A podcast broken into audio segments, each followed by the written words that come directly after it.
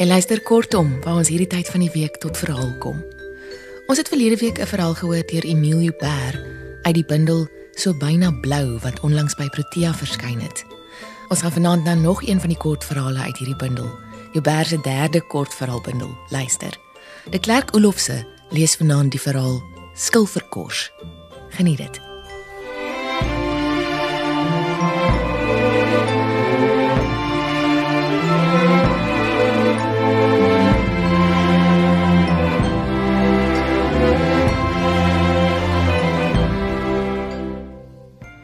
Was nie die enigste een wat geglo het dat Tant Leni Etsebet moet werklik 'n stuk deeg 180 keer op haar kombuistafel se oppervlak gooi om melktert te bak nie.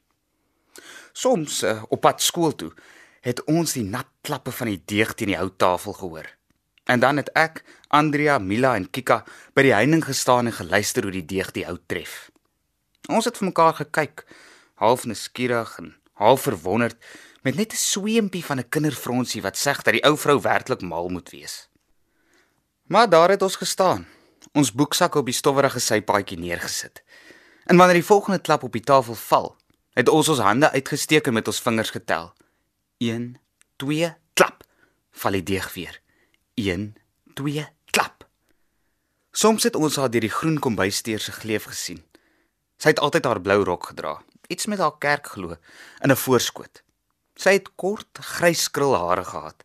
Haar gesig was rond, oop met sagte oë wat permanente gaafheid uitstraal. Behalwe wanneer sy daai deeg gegooi het. Dan was haar mond dun, lippe saamgepers en met 'n verbete uitdrukking het sy daai deeg bewerk.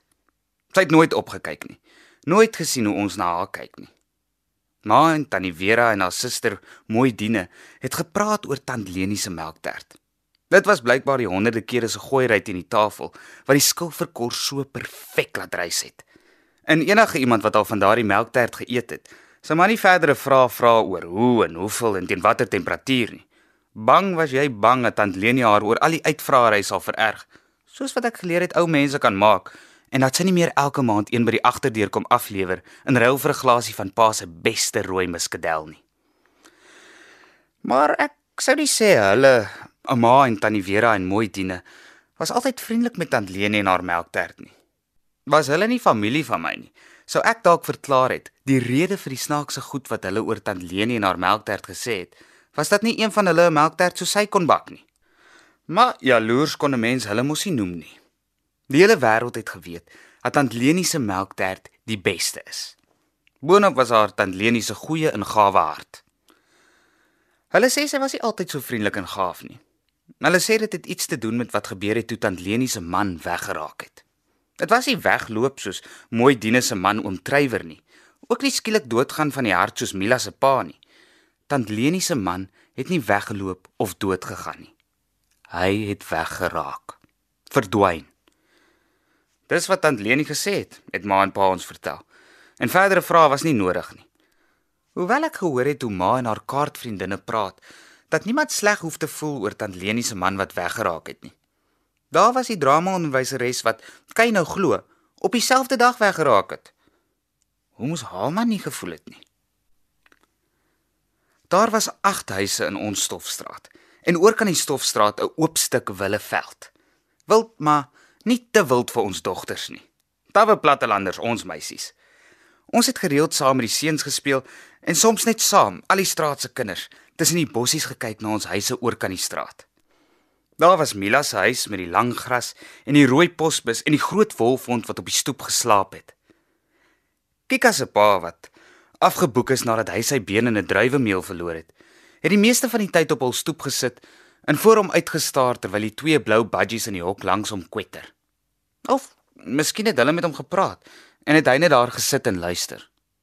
Mens weet mos nooit wat buite jou eie lyf aangaan nie. Die enigste huis sonder kinders was Mr Dalglish se huis aan die boepuntste hoek. Mr Dalglish het na die oorlog by die wynkelder begin brandewyn maak. Hy was baie oud en maar met 'n kop van wit hare so wit soos winterryp na sonsopkoms. Ons het almal baie van hom gehou want hy sou ons op ons naam groet en vra oor die skool en maats en hy as hom 'n paar mooi nuwe skoolskoene wat jy daar het. Mr Douglas was stil by groot mense en het nie veel met hulle gemeng nie. Maar hy het eendag vir pa 'n bottel brandewyn gebring. Pa het vir Mr Douglas gevra om saam met hom 'n glas te drink. En ek het tot net voor etenstyd in die sitkamer gesit en deur die venster geluister hoe hulle op die stoep gesels. Mr Douglas met sy vreemde aksent en pa wat vriendelik lag terwyl hy gesukkel het met die Engels. Ek kon egter nie vir tant Leni Etsebet verstaan wanneer sy melktert uitgedeel het nie. Op dieselfde dag as wat ons die geklap van die idee gehoor het, het sy met die eerste pakkies uit haar huis gekom. Die pakkies was toegedraai in koerantpapier, die vetkolle van gesmelte botter duidelik sigbaar. Sy het dan onder die straat begin en by elke huis ingeloer om een melktert te gee. By die een huis sou sy 'n botteltjie konfyt kry en ruil vir haar geskenk, by die ander 'n glasie soetwyn of 'n bos blomme, maar tant Leni het die melktert gegee, minstens een keer 'n maand omdat sy wou. Uit haar hart uit. Dis hoekom Male se opmerkings en die geskinder oor tant Leni se nuwe bestaande man my kwaad gemaak het. Al persoon wat vir tant Leni kwaad kon gewees het, die reg gehad het daartoe, was Mr Douglas. Sy het nooit by hom aangegaan met 'n melktert in haar hande nie. Eintlik het ek nooit gesien dat hulle met mekaar praat nie. Wanneer ons die groot mense vanuit die rigting van die Wildeveld dopgehou het, kon ons soms sien hoe sy en Mr Douglas verby mekaar loop sonder dat die een na die ander kyk.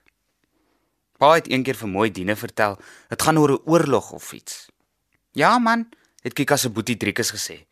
Oom Douglas was 'n kakie in die Boereoorlog en dan Leni en haar familie was in 'n konsentrasiekamp. Tante was toe maar nog 'n klein dogtertjie in daardie kamp. Wat daarvan? het ek gevra. Sou jy vir iemand 'n melktert gee as hy jou en jou sissies en boetie stukke glas laat eet het totdat hul ma oopgesny is en hulle dood bloei? Ek het nie verder vrae gevra nie. Maar toe leer ons van die Boereoorlog en geskiedenis.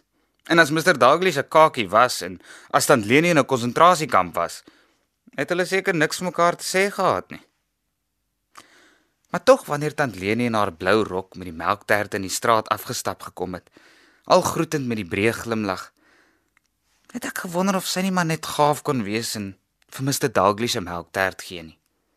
Wanneer tant Leni die melkterte uitgedeel het in die straat, was die groen deur van die Skotse oom se huis altyd bot toe, asook die hortjies geen melktert vir hom nie. Miskien sal sy eendag, het ek gedink.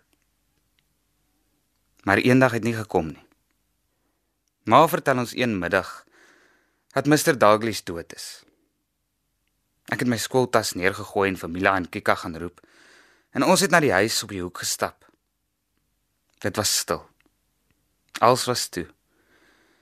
Net soos die dae wanneer die melkterte afgelewer word hartaanval en ouderdom, het Mila se pa gesê toe ons hom later daardie dag help om die budgie se hok skoon te maak. Hulle het hom klaar na die lijkhuis geneem. Niemand in ons straat het al dood gegaan vandat ek kon onthou nie. En dit was 'n vreemde gevoel. Want ek het nie geweet hoe mens veronderstel is om te voel nie. Ek het hom nie goed genoeg geken om te huil nie, maar my keel het die aand dik gevoel. Dit was net 'n paar dae later toe praat mooi Diene en ma oor Mr Douglas se begrafnis. Sy familie, twee dogters het van Durban afgekom. Hy wou in die dorp se begrafplaas neergelê word, langs sy vrou wat dood is voor ek gebore is. Die begrafnis was in skooltyd en net 'n paar van die straat se huisvrouens het gegaan en die polisieman wat soms by Mr Douglas gekom het om na sy versameling oorlogsmedaljes te kyk. So 3 weke nadat Mr Douglas dood is, stap ek deur die dorp. Dit was die dag toe my maat siek was met die griep aan die begin van die winter. Dit was skemer en ek moes eintlik by die huis wees, maar ek het net vinnig van die hoofpad afgedraai na die begrafplaas. Alles was grys grys grond, grys stene en die bome om die begrafplaas was ook grys. Ek het aan Mr Douglas gedink wat hier in die grys plek moet lê en het aaklig gevoel. So aaklig dat ek weer daardie trek in my keel gevoel het. Toe sien ek dit. Daar in die middel, by 'n donker grys steen, staan heldergeel winkelblomme wat miskien nog vars is. Dit was egter nie die blomme se kleur wat my oog gevang het nie. Dit was die blou van Dantlenie se rok. En dit het, het stadig beweeg soos sy gebuk het om die koerantpapier met die vetkolle van gesmelte botter langs die graf te plaas.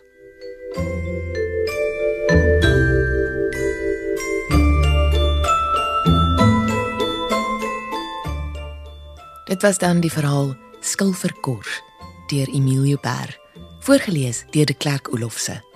'n Mooi aand vir jou.